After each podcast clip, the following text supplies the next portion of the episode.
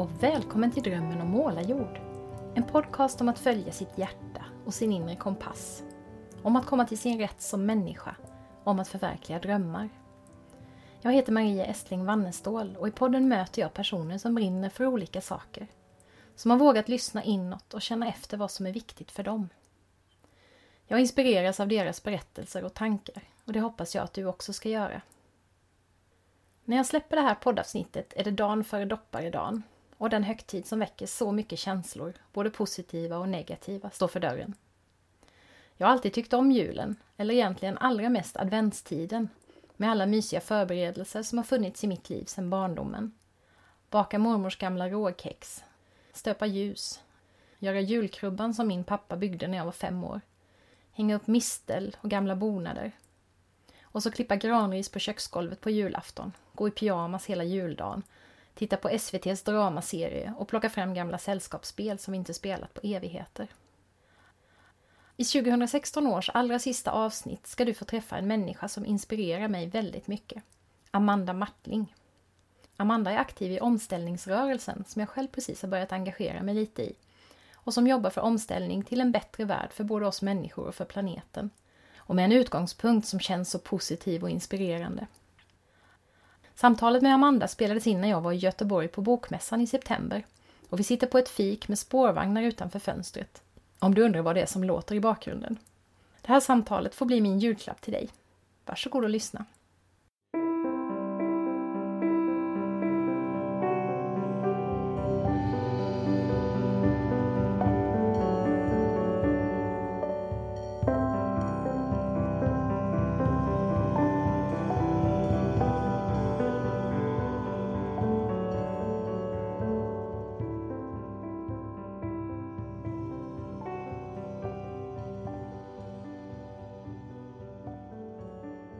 Träffades ju första gången på Mundekulla, kursgården där. Och då var du och jag i samma klan.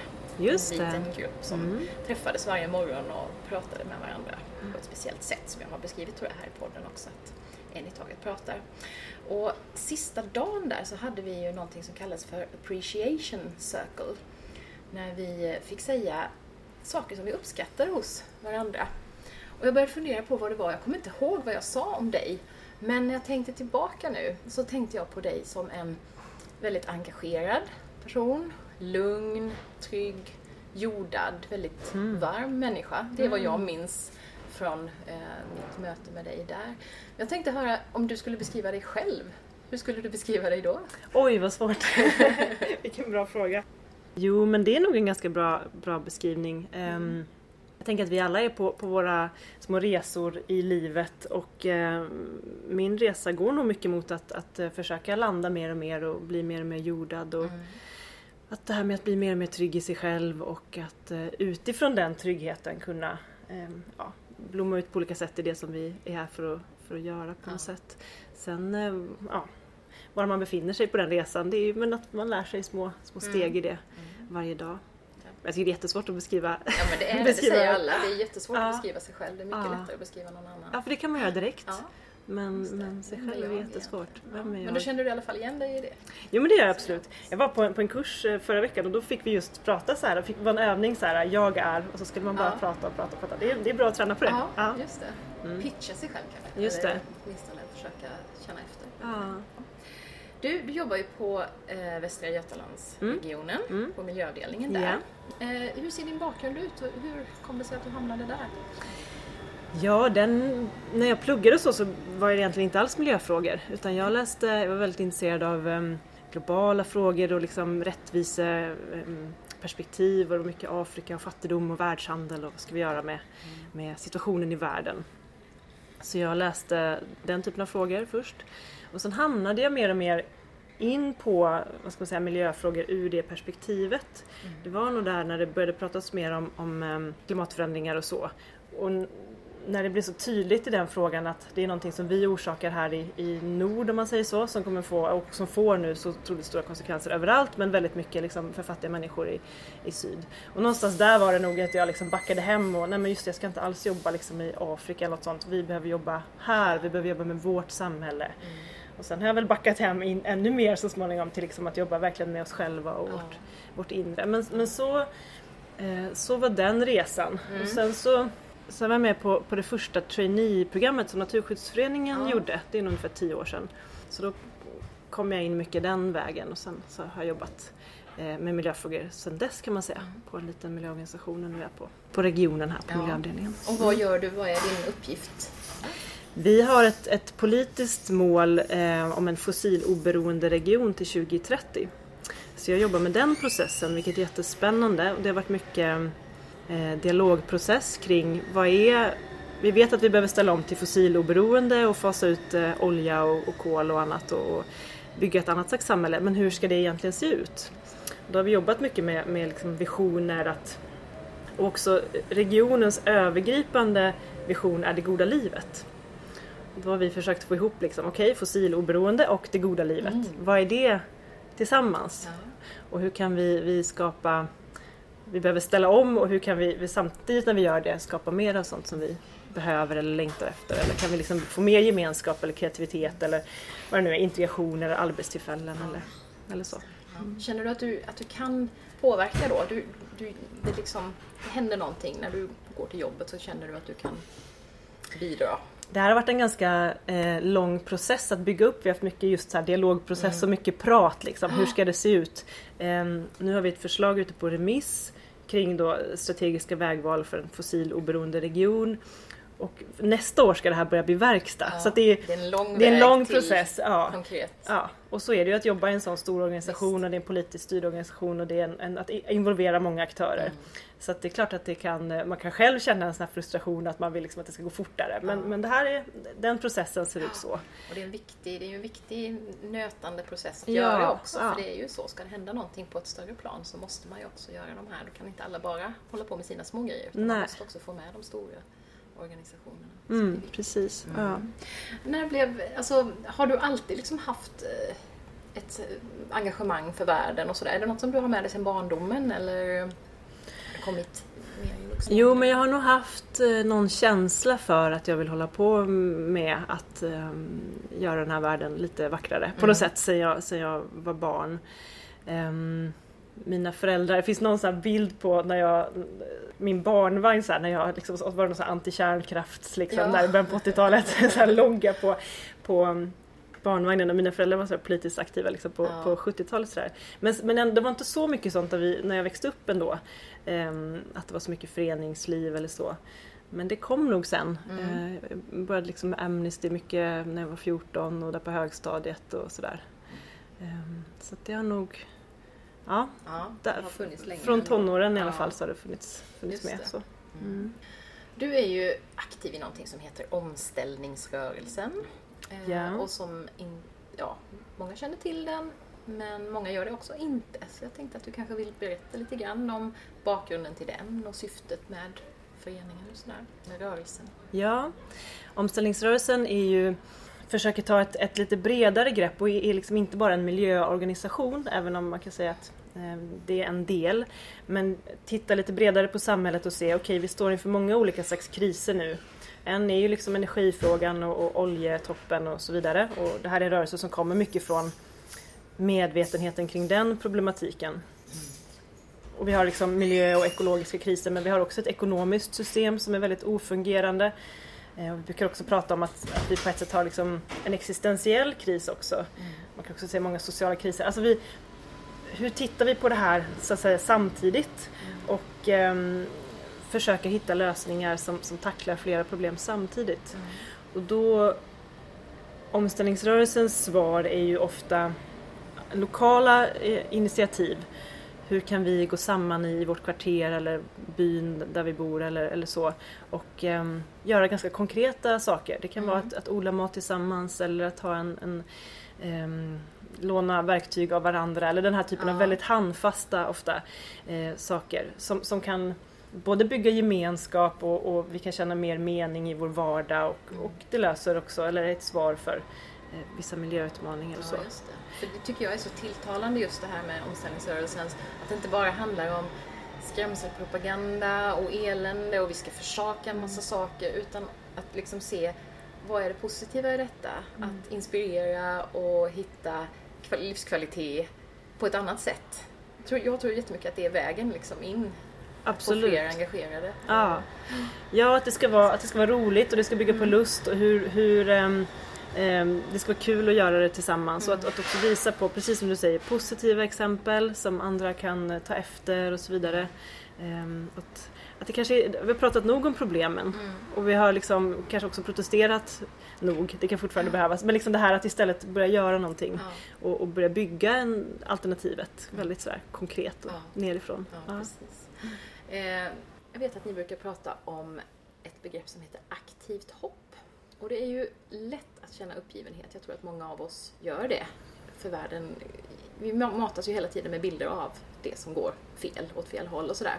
Men eh, Joanna Macy har skrivit om någonting som heter aktivt hopp. Vill du berätta vad det är i förhållande till vanligt hopp? Ja, Joanna Macy menar att, att um, hon pratar om två olika sorters hopp då, precis som du säger. Att, att eh, det ena ofta när vi pratar om det är mer um, hur hoppfulla vi känner oss att någonting ska gå bra. Alltså jag känner, mig, jag känner mig hoppfull inför framtiden till exempel. Det är liksom, vad är prognosen på något sätt? Och utifrån det perspektivet då så säger hon att Ja, då, då är det ju lätt att, att engagera oss i frågor där vi tänker att jo men här kommer det nog gå bra. Men, men ser vi att äh, det verkar gå åt fel håll då, då, då känns det, är det ingen idé att försöka. Så. Och hennes då, när hon pratar om aktivt hopp så menar hon mer att det handlar om vad är det egentligen vi vill och att, eh, att jobba i den riktningen. Oavsett så att säga, hur ser prognosen ut Ja. eller, eller så. Utan det, det är inte vi, att liksom sträva på i den eh, dit vi vill. Och inte lyssna så mycket på att ja, nu är det verkar för svårt eller så Ja, vidare. just det. Att Och- inte hamna i den där uppgivenhetsträsket då Nej, när det känns som att det är precis. helt meningslöst. För det finns ju också en, vi får ju också en kraft av att, ehm, att jobba i den riktning mot det, det samhälle och det liv och, och ehm, de system som vi vill ha.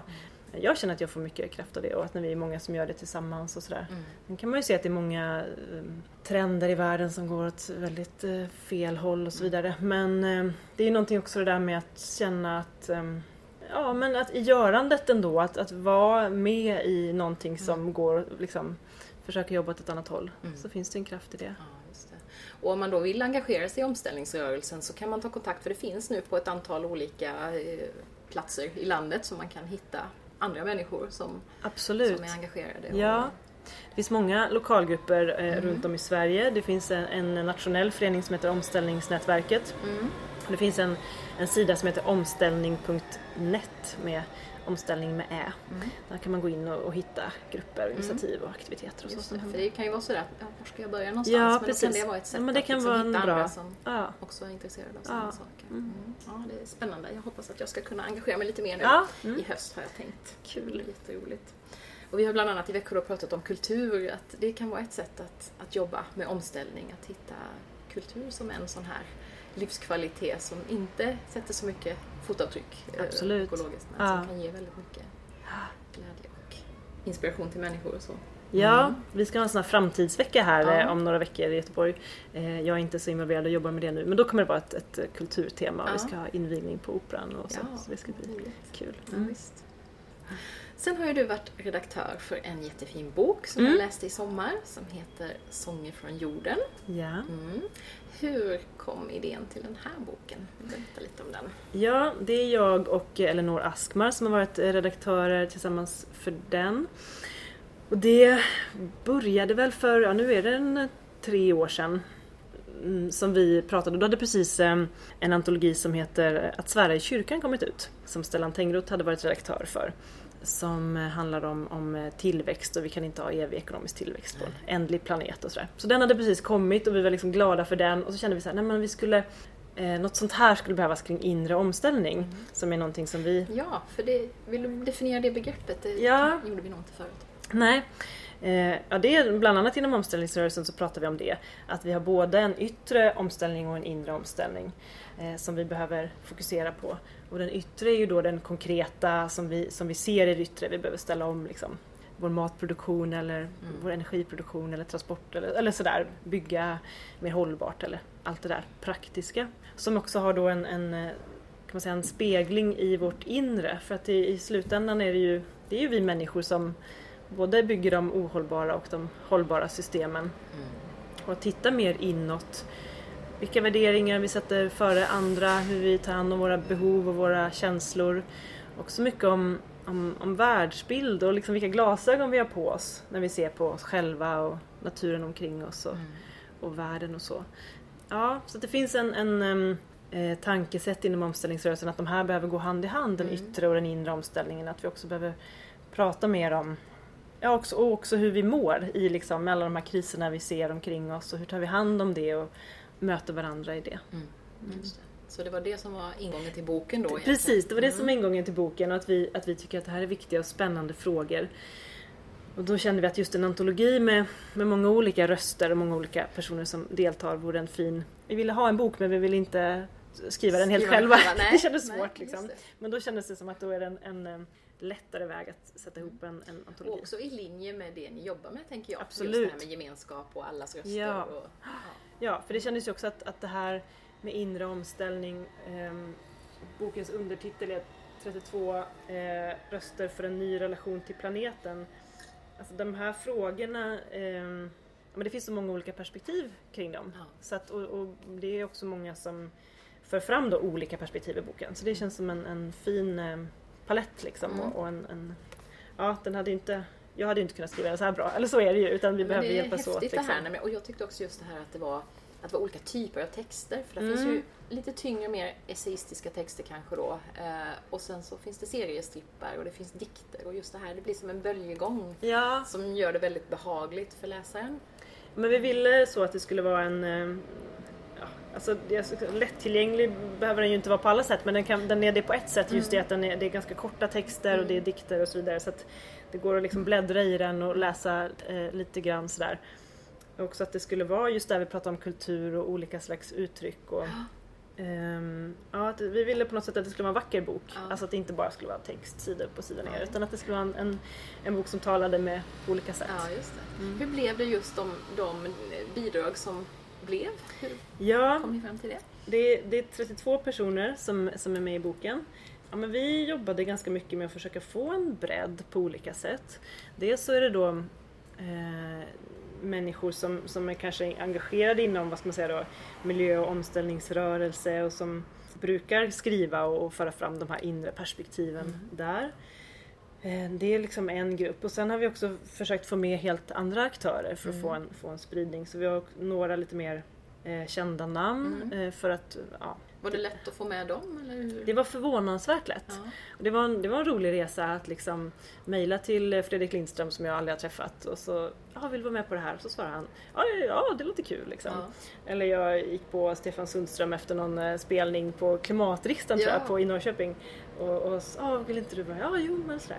Jag blir så glad för det är min gamla idol som Ja. jag har lyssnat på i 25 år Ja. och tycker mycket om. Ja men det är jättekul att ha några av de här eh, som folk, eh, namn som folk känner igen Ja, också. visst. Och KG Hammar var vi var och pratade på, på bokmässan här och då var KG Mm. Hammar eh, med. Ehm, det var roligt att träffa honom också och han, hans perspektiv. Så, att, Mm. så det, dels den bredden då bland lite med olika folk. Och sen har vi försökt också med ja, men till exempel då KG Hammar som har ett eh, religiöst andligt Ja. perspektiv. Eh, Lasse Berg med, med historiskt perspektiv. Vad är, vad är det att vara människa egentligen? Och den texten heter Den mänskliga naturen och han, hur han skriver om, om Afrika och var Mm. vi kommer ifrån och sådär.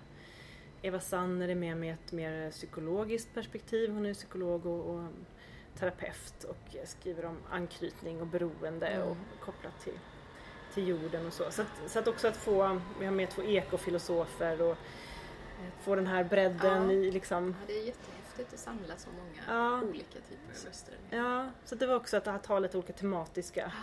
Henrik- Hallgren som skriver om naturens rättigheter och det mer juridiska perspektivet. Pella Thiel skriver om ja, att, hur det blir när vi försöker eh, knö in naturen i det ekonomiska systemet Mm. och ekosystemtjänster, sätta en prislapp på naturen och Ja. den typen av perspektiv. Var det en tung process att jobba med själva boken? Sådär? För det, jag tänker också, jag har också varit redaktör med mycket färre författare. Mm. Och det tyckte jag var ganska slitigt att få, få in upp, bidrag i tid och sådana här grejer och bolla massa ja, utkast fram och tillbaka och sådär. Men gick det bra tycker du med själva Alltså det var väldigt roligt Mm. och det var väldigt mycket mer jobb tror jag än vi Ja. förstod. Vi- vissa delar har varit kanske enklare, till exempel att det här att få gensvar och få med folk från Mm. början var liksom jätte, kanske lättare än vi trodde. Ja. Och sen att liksom ro allting i land. ehm, men jag tycker att det har varit så himla ett sånt himla fint projekt att jobba Ja. med och det har legat mig så varmt om hjärtat och varit så Ja, och jag har lärt mig så mycket så det har varit så himla Mm. kul hela vägen. Men ehm, ja, så att jag är så himla, ja, jag hade jätteroligt hela processen igenom men, men ehm, det tog ju två år och vi kanske tänkte att det skulle ta ett år. Ja. Sådär. Så att det, Ja, det. Det verkligen liksom en projektledarroll man får Mm. ta och Ja, rodda ju. ihop Man eh, ska 30 få personer. allt att Ja. fungera och Mm, passa få in allting och ja, sådär. det. Fick ni någon finansiering för det här eller hur ni... Nej, det är ett väldigt ideellt eh, Mm. projekt faktiskt för alla inblandade så att de som är Mm. med har inte heller fått eh, Nej. betalt. Och sen också att vi ville att det skulle vara en, en bok som inte var så dyr att köpa för att det skulle vara lätt för människor. Mm, Ja, så det är mest att vi vill föra ut frågorna. Så. Mm. Vad har ni fått för reaktioner då? Från läsare och sådär? Har ni fått veta någonting om Ja? Alltså, ibland eh, så är det jättefint just då när folk verkligen har läst. För då känner jag att det är, ja, men jag har mött eh, många som, som säger att eh, de förklarar de här perspektiven att, ja, men, att många blir så glada liksom Mm. och, och att den, den går in och den går lite djupare och att man kan känna igen sig och liksom lite längtar efter det här perspektivet att ja men vad skönt att det skrivs om, det. om det här. Mm. Mm. Eh, Du har ju varit ute och pratat om boken eh, lite grann också. Lite du var grann, ju hos mm. oss i, i Växjö bland annat när vi Mm. hade vår Earth Week. I våras, I våras. Och du har varit på Bokmässan. Mm. Och pratat. Har du gjort andra sådana här framträdanden så du har haft möjlighet liksom att nå ut och berätta om, boken? Vi har inte gjort jättemycket faktiskt. Eh, Det har varit lite grann men eh, lite var det sådär som det är ett ideellt projekt och vi jobbade i två år Ja. så att liksom lite när, när den kom ut där eh, eh, i vintras så liksom då, då, egentligen började ju jobbet då att sprida den och, och där tappade vi lite i energi Ja. kan man säga. Men, men vi har också sagt att eh, ja, men utifrån det här med inre omställning och eh, ja, ta hand om sig själv och, och vad, är, vad är hållbarhet för mig och sådär. Mm. Så har vi liksom, ja men nu finns den och vi gör vissa aktiviteter Mm. kring den och det får ta sin tid. Och, Ja, och Den har ju inte heller något sånt här tydligt bäst före-datum för den Nej. känns ganska tidlös Ja. tycker jag. Även om man pratar om såklart om, om eh, vissa saker som man kan relatera till vår samtid just nu så är det ändå sånt som man känner att det här Mm. kommer hålla länge. Ja, men förhoppningsvis kan den leva kvar och, Mm. och, och fortsätta spridas och så. Mm. Jag vet ju att i Växjö så har man använt den som underlag för en Just samtalscirkel. Mm. Och det tänkte jag just att det är ju en jättebra bok för det. Ha sådär texter att utgå ifrån. Precis, och just för att den är också ganska Texterna är ganska korta, Mm. eh, de är kanske på en 10-11 sidor sådär. Det är ju inte om man ska ha till exempel en samtalscirkel så kan man ändå läsa en ganska, det, Mm. det är rätt, eh, inte så svårt att hinna läsa den där Precis. texten och så Nej. kan man ändå diskutera det perspektivet Mm. och, och så. Just det. Mm. Sånt är ju, tycker jag, väldigt bra just att, att kunna få lite input någonstans ifrån. Att inte bara börja utifrån vad vi är själva utan att få, Mm. få input från någon som har tänkt till lite grann och sen så kan det liksom väcka, Just det. väcka nya funderingar. Ja.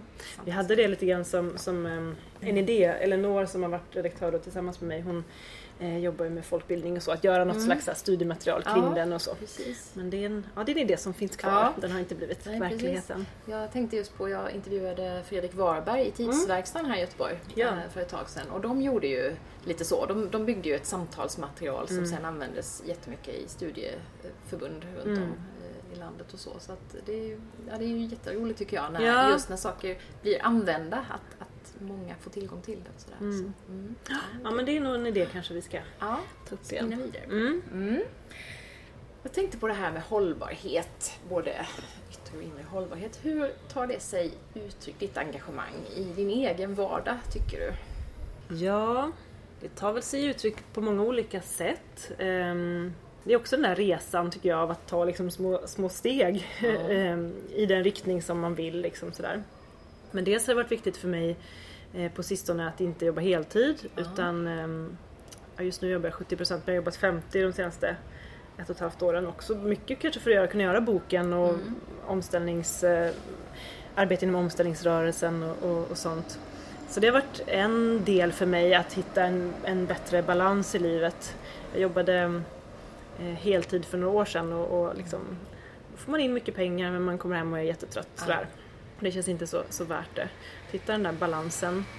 Sen eh, bor jag också i kollektiv sedan några år tillbaka. Och och det var också en del, det, det blev något skifte där för några år sedan när jag ja, flyttade, jag bodde själv i en lägenhet och så flyttade jag till kollektiv och så Mm. började jag jobba mindre och sådär. Och det var en, kändes som en fin del Mm. i, i, den resan att testa. Odling tror jag du skrev om i boken. Att du, Ja. Är det också en sån grej? Att just Men- odla eget? Ja, det är någonting som jag är super eh, sugen på men all, liksom inte riktigt får, ehm, får tid till tillräckligt mycket. Jag är ändå en sån där person som, som eh, lätt fastnar framför datorn och Ja. liksom gör en bok istället för att odla upp ett land. Liksom.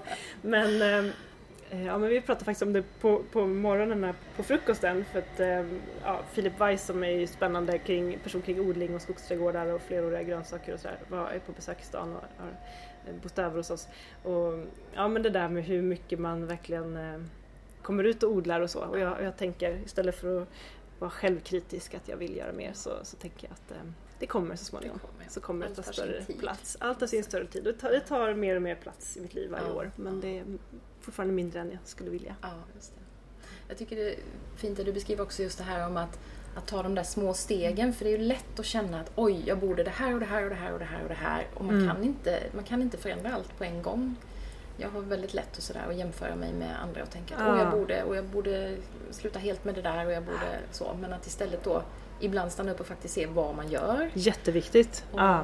och, och ta de där små grejerna. Okej, nu hittar jag mandelmjölk här istället för vanlig Ja. mjölk. Ja, Mm. jättebra. Men då kanske jag inte behöver byta ut allt Nej. direkt utan just att faktiskt låta saker få ta tid och, och, hitta, och också hitta, tänker jag, sina grejer. Men det här vill jag verkligen, det här är viktigt för mig. Och börja där Mm. och inte tänka att man ska förändra allting samtidigt. Mm. För då tror jag många hamnar i det här just att ah, det är ingen idé, jag, jag orkar inte och sen så blir det liksom ingenting av det. Ja, jätteviktigt. Och, och vi har gjort det på kurser någon gång ibland vet jag. Man ofta sådär i slutet på en man har omställningskurser eller liknande och så ska man liksom, ah, vad är nu nästa steg och vad vill jag ändra och hur ska jag gå vidare? Och det är jätteviktigt att tänka på det och, men också att göra övningen, vad, vad har jag redan gjort? Ja. Alltså i min, min egen omställning till att leva ett Precis. mer hållbart liv. Vad, vad, och titta på det och liksom fira, fira Mm. de delarna. Jätteviktigt. Jag har också tänkt mycket själv att jag har liksom testat. Mm. Alltså jag har sällan vågat så hoppa eh, direkt. Alltså till exempel så hyrde jag ut min lägenhet och sen flyttade jag till kollektiv. Alltså så här, Ja. hyrde ut den i andra hand ett tag för jag var, ah, men jag kan inte riktigt släppa den. Eller var liksom tjänstledig från mitt heltidsjobb innan jag bytte. Och, Ja. Eh, jag vet också när jag slutade äta kött så var det så här, ah, men jag testar ett tag. Alltså, Ja. För då, då är det inte lika... Då är det inte så farligt Nej, heller. jag ska bara prova lite. Ja. Och sen när man väl har börjat så känner så är man det att ofta svårt att gå tillbaka sen ja till något för att annat. det Ja. resonerar mycket bättre Mm. med det man vill egentligen. Och Just så. det. Mm. Jag gjorde faktiskt eh, i våras här så satte jag mig och skrev en hållbarhetspolicy för mitt företag. Ja. Och det var jätteroligt för då insåg jag, eller då såg jag, fick jag liksom svart på vitt på att ja, men jag har faktiskt, jag har gjort mycket och jag gör mycket och sen har jag vissa strävansmål där jag inte är nu Mm. men det var jättenyttigt att faktiskt sätta sig ner och sätta ord på vad gör jag redan just Mm. för att bli lite glad också och se att jo, men det har faktiskt hänt ganska mycket om man jämför med hur det var för fem år sedan till exempel. Mm. Så att, ja, det tror jag vi borde göra i våra liv lite allmänt sådär att som du sa fira våra Ja, segrar och inte bara se på vad vi inte lyckas åstadkomma. nej precis för det är någon slags det här eh, bristtänkandet och liksom, vad ska man säga, Mm. tillväxttänkandet i vårt samhälle. Vi ska bara vidare och vidare och Ja, vidare ja, och, se allting som inte funkar. Och Ja. det, är, det är en bra, så är vi ju som människor, vi vill liksom Precis. utvecklas. Ja, men, det kan ju eh, ge drivkraft och sådär men, Ja. men att, att också se vad vi faktiskt gör. Absolut. som är- som är minst lika viktigt. Ja.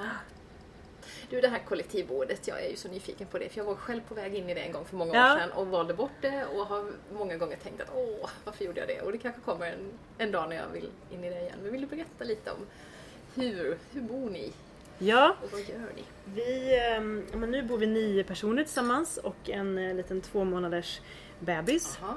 i en eh, gammal prästgård eh, här i Göteborg. Och det är kul för det är ett, ett gammalt, det har varit kollektiv sedan eh, slutet på 70-talet. Aha. Inte med precis de här människorna Nej. som bor där nu men, men ändå det finns en struktur som finns kvar. Mm. Och det, ja, men det är kul för att det funkar väldigt bra. Ja. Eh, vi har ganska mycket eh, ja, men sådär, strukturer och hur, hur vi eh, för att få det att fungera bra. Och vi, och vi tror mycket på det också att liksom, om vi har de här olika reglerna och, och mötestiderna och vad det är och så kan vi liksom luta oss mot det. Sen kan man känna sig fri i det, i det övriga Ja. sådär. Men bland annat så har vi ju eh, möten en kväll i veckan som eh, vi försöker prioritera allihopa och sådär. Och vi jobbar en del med huset och trädgården tillsammans och så. Mm. Så att, att det, det tar ju mer, man kan inte säga att det tar, mer tid men man får liksom lägga vissa, Mm. det är också en, att man var med i en, både en förening och en familj samtidigt på något sätt Ja. och att, att lägga den Ja, tiden. Ja, att det är värt det för att man ska slippa de där konflikterna som kanske uppstår Ja, just för att precis. man inte pratar med Ja. varandra utan man går och irriterar sig istället. Och, och sådär. Men ni bor då, ni har egna rum och sen så har ni gemensamma lokaler i, i huset. Ja precis, ja men så är det. Och vi har, eh, ja, men vi har ett gemensamt kök och sen har vi också gemensam matekonomi så att vi köper Mm. in mat tillsammans. Ehm, och det är alltid någon som är ansvarig varje vecka för att, Ja. för att köpa eh, färskvaror och, och frukt och det. bröd och sånt där. Mm. Fungerar det bra tycker du att, att dela på det här? Eller Ja, det fungerar faktiskt jättebra. Mm. Och det är också någonting som fanns när jag flyttade in där, att så, så var strukturen. Mm. Och hade jag startat ett nytt kollektiv då eh, så hade jag kanske inte liksom, ja men det klart vi ska ha gemensam matekonomi. Men det, det, det, så var läget liksom och det var bara att gå in i det. Men jag är så väldigt tacksam för det och, och glad idag för det är jättefint. Sen bygger det ju mycket på att vi att vi äter vegetariskt och att vi just nu Just alla vill prioritera att köpa ekologiskt. Att vi har Mm. samma tänk liksom. Om man drar åt helt olika håll så blir det svårt. kan det bli svårt. Ja. Men, Just men just nu, och det är klart att vi har lite olika preferenser på eh, Någon kanske tycker att eh, ost är en lyxvara man ska äta sällan och någon tycker Mm. att det är klart jag vill ha en ostmacka varje dag. Mm. Sådär, och det finns en viss spännvidd men det är som att vi ändå håller det. Mm. Det, det funkar ändå. Men den som, eh, den som har ansvar, eh, alltså hur ser det ut med matlagning och så? Lagar ni ändå, lagar ni allting tillsammans? Nej, eller? det, vi gjorde det mycket för, för några år sedan. Mm. Eh, så hade vi mycket matlag. Ehm, och då var, ett tag var vi också jätteduktiga på att liksom både man lagade middag till alla en kväll och så skulle det också bli lunchlådor till alla Ah. nästa dag. Så nästan alla vardagar var sådana.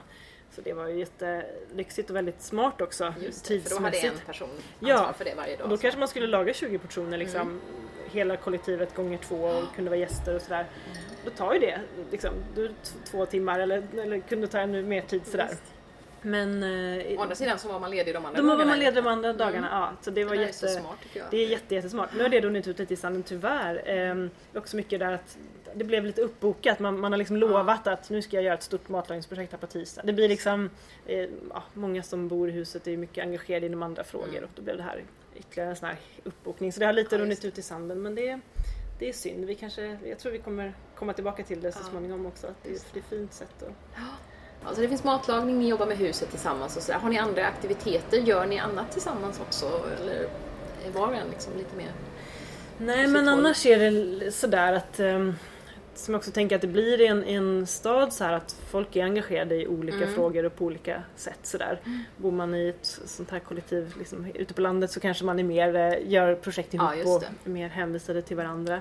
Men, ehm, ja, men det pågår olika saker i huset. Eh, Det kan vara någon bjuder in till ja, vissa slags kvällar eller det har varit eh, improteater lite i vardagsrummet Ja. på sistone. Eller det händer olika saker.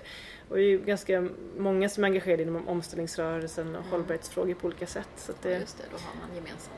ja precis, det är ibland Aktiviteter kring det. Ja, många som är engagerade också inom att det finns något som heter Resursrestaurangen som jobbar med matsvinn och att ta hand om eh, mat som annars skulle slängas och laga mat på, på sånt också. Så det är mycket sånt i huset. Spännande. Vad, vad skulle du säga är den allra största fördelen med att bo på det här sättet? Den, ja, men dels är det det sociala, att Mm. liksom, eh, det finns nästan alltid någon i köket att gå och prata med och, och sådär. Att det är fantastiskt, eh, ja men det är så lyxigt att få verkligen bo så med sina vänner och, och ha den närheten i sin vardag, och den enkelheten. Men sen finns det också praktiska ehm, ja, men, man har varit iväg på en resa och kommer hem och det är inte sådär att det inte finns någon mjölk i kylen eller vad det nu är utan att liksom, man kommer in i ett system då som funkar så. Ehm, så det finns ju många praktiska fördelar ehm, med att eh, hjälpas åt. Mm. Liksom. Finns det några nackdelar alls? Jo men absolut. Alltså jag, jag, jag har inga barn men ibland folk som har barn brukar säga så här, det här är- att, att få barn är det mest fantastiska och det liksom jobbigaste samtidigt på något sätt sådär. Och ibland tänker jag att, att bo i kollektiv är också kanske det mest fantastiska och det jobbigaste. Alltså det är Mm. klart att det är så himla mycket glädje och så mycket roligt med det också men det är klart att det också är, är mer, det är, det är ju enkelt att bo själv på vissa sätt. Man får ha det precis som man vill och, Man måste ändå anpassa sig lite och Ja, ta hänsyn och sådana ja, här saker. Ja. Och, och de där dagarna när man inte riktigt eh, vill träffa liksom, 15 personer Nej. i sitt hem. Alltså det är olika så. Ja, Just det. Jag tänkte just på det, om man är lite mer introvert, kan man ändå trivas i ett kollektiv tror du?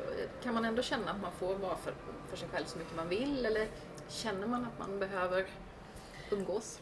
Men vi har nog blivit ganska bra på att um, ta hand om det där tycker jag.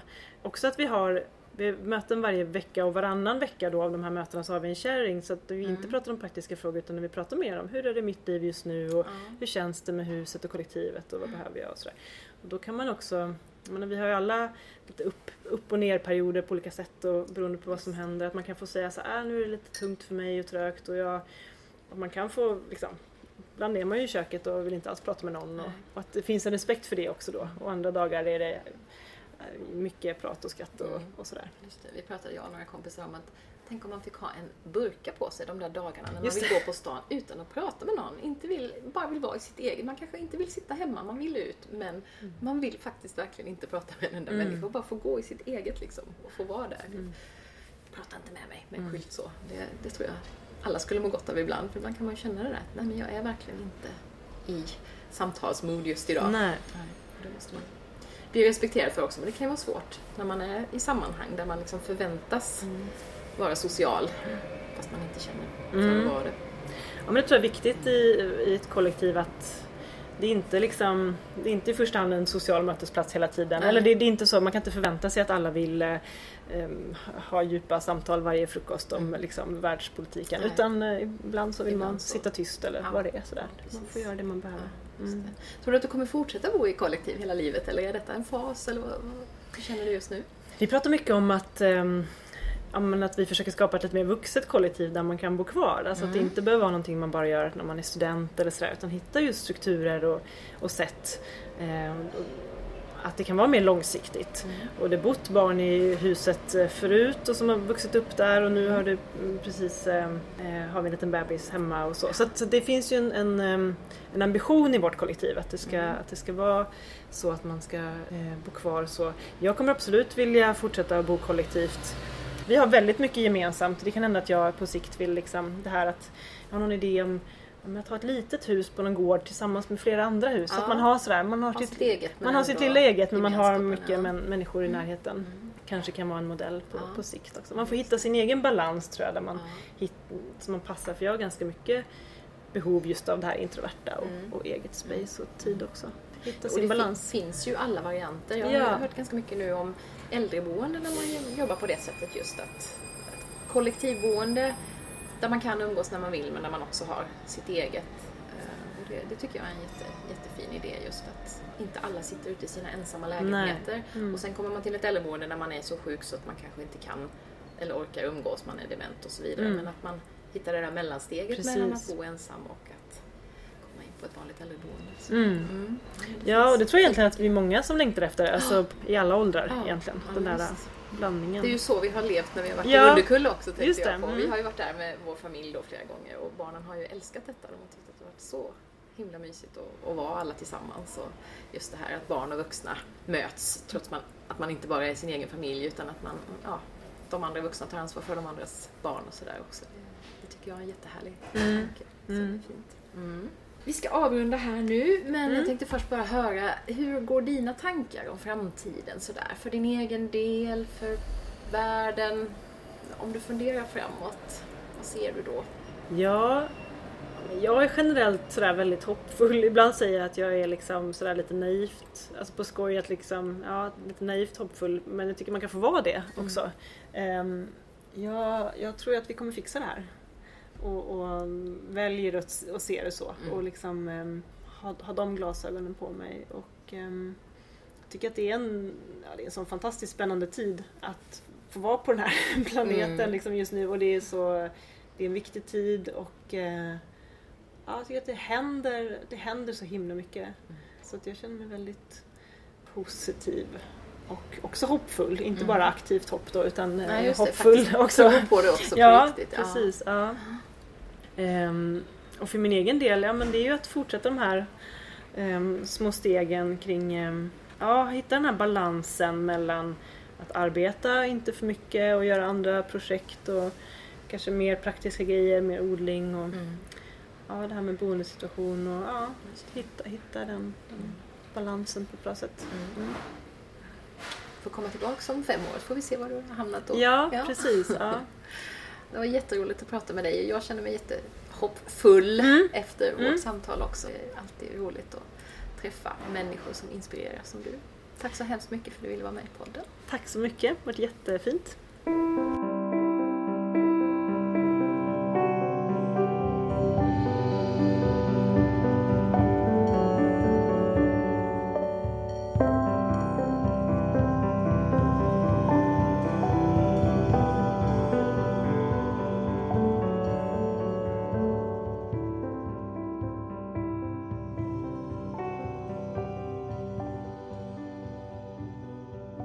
Här var Amanda Mattling och du hittar boken som hon och Elinor Askman är redaktörer för, Sånger från jorden, på Adlibris och andra nätbokhandlar.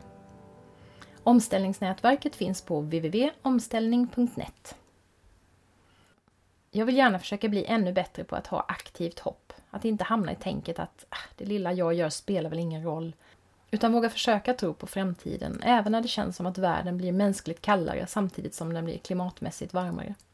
Joanna Macys bok Active Hope står definitivt på min önskelista. Det här med hur vi väljer att bo tycker jag är ett intressant ämne och jag har funderat en hel del på det för egen del det senaste halvåret. Vi bor i ett stort gammalt hus på landet som, trots att vår ambitionsnivå när det gäller städning och annat underhåll är låg, ändå tar en hel del tid i anspråk. Ibland kan jag längta till ett enklare boende som skulle skapa mer utrymme för annat. Men samtidigt älskar jag att bo så här, med skogen och åkrarna sjön runt omkring oss. Trädgården där barnen kan leka och jag odla och yoga. Alla rum som sväljer många nattgäster. Kakelugnarna och de gamla nötta trägolven och spegeldörrarna. Inte minst nu i juletid är det fantastiskt att bo mitt i Madickens Junibacken.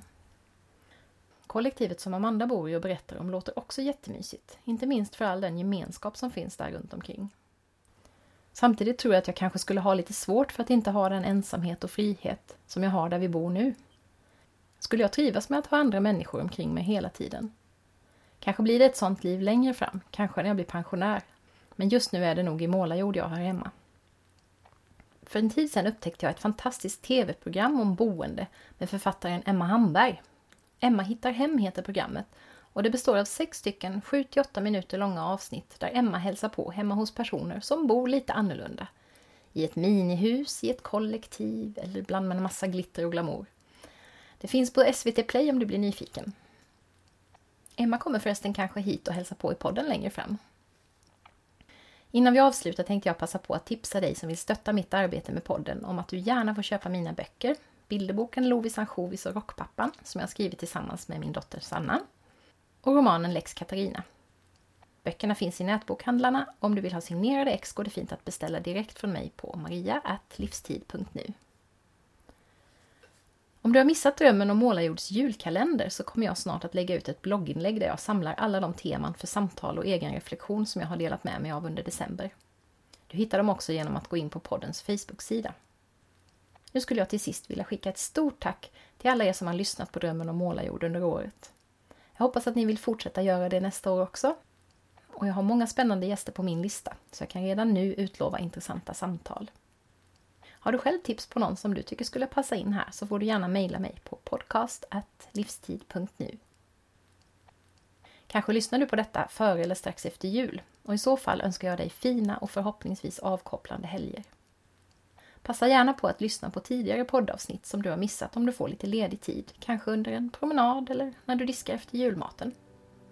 Du hittar allt på webben, www.drömmenomålarjord.se. Vi hörs igen nästa år.